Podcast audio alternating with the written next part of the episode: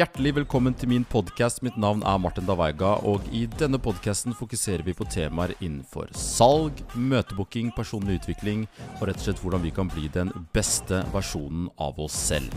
Let's go!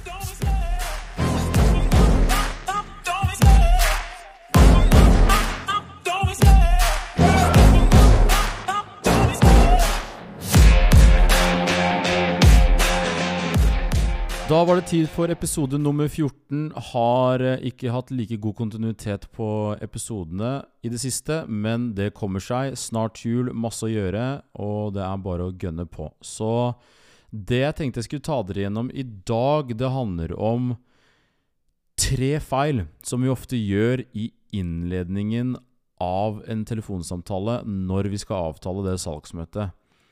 Og jeg tenkte at jeg skulle ta dere gjennom en historie for å gjøre det veldig relevant. fordi i ny og ne så hender det at jeg blir ringt av selgere som vil prøve å selge meg noe. og Det synes jeg selvfølgelig er helt greit. Og du kan se for deg at det er en fredag, fredag klokken 15, og jeg er på vei for å ta T-banen for å dra på trening. Er gira, hører på kul musikk. Men så er det veldig bråkete rundt meg. Og i tillegg så hører jeg at det er bråkete rundt selgerne som tar kontakt. Så jeg skjønner jo med en gang at det er en salgssamtale, for jeg kan høre bakgrunnsstøyet. Og han sitter i et rom med mange andre selgere, og det er vanskelig å høre budskapet som blir kommunisert. Og da jeg elsker salg og, og glad i, i, jobben min, så ønsker jeg å gi selger en mulighet til å pitche det han har å komme med.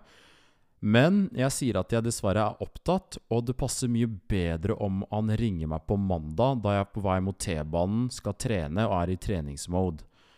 Det selgeren gjør, han velger å fortsette å pushe på, ignorere det jeg sier, lytter ikke etter, respekterer ikke hva jeg sier, og jeg ender opp med å gi en ganske streng, direkte tilbakemelding, heve stemmen min og skrike litt til han, og ender opp med å takke nei. Så er spørsmålet, folkens, hva er det selger gjør feil her? Eller hva er lærdommen her for selger? Fordi du kan enten velge å ta min avvisning som et skuffende nei og konkludere at salg ikke er noe for deg, eller du kan analysere, analysere hvorfor du fikk et nei, lære av det, og deretter bli en selger. Så la oss gjøre analysen. Hva er feilene som gjøres? Én, det er at uh, det pitches til meg, altså, når jeg er opptatt, og når jeg har masse bråk rundt meg. Dette gir dårligere forutsetning for at budskapet skal nå fram, i tillegg til at han pusher på og respekterer ikke ønsket mitt om å bli ringt tilbake senere. To, i innledningen av en samtale, så er dette en annen feil du kan gjøre. Det er ikke det han gjorde, men kan, den feilen som er nummer to, som jeg går inn på nå, det er at du spør om personen er opptatt når det ikke er noe bråk rundt dem, eller at du hører at det er helt stille. Det er en feil, fordi hvis det er helt stille og det ikke er noe bråk rundt dem, så har de tatt telefonen for at de er som regel tilgjengelig. Og hvis du spør om de er opptatt da, så skjønner folk veldig fort at det er en salgssamtale, og du tør ikke å ta helt styringa på samtalen, og kommer i en posisjon hvor du kanskje minimerer deg selv overfor kunden med å spørre om du forstyrrer, når det egentlig ikke er noe vits å spørre om du forstyrrer i det hele tatt. Så det er tanken rundt det. Så du må kunne lese situasjonen på telefon og forstå hvilken situasjon er kunden i når du ringer. Er de på vei eh, mot et sted? Er de i er de i butikken? Går de tur i skogen? Så min erfaring er at du burde spørre om de er opptatt hvis du hører at de går tur, er i en biltur, eh, og hvis de sier det går greit, da har du fått aksept for å pitche budskapet ditt og gå videre. Og da må pitchen og budskapet ditt sitte. Da har du fått tillatelse til å komme med det du har å si. Og i veldig mange tilfeller så klarer du å booke møte der og da fordi du viser at du er høflig, respektabel, og de er villige til å ta opp kalenderen sin og gi deg en tid. Men hvis du ikke får møte der og da, så handler det bare om å sende en spesifikk mail med en gang som refererer til samtalen, som viser at du er ryddig og profesjonell, og så avtaler du og følger opp deretter. Og så er den tredje feilen det er at du ender opp med å få et nei istedenfor et mulig ja, fordi du rett og slett var altfor salgskåt og altfor møtekåt.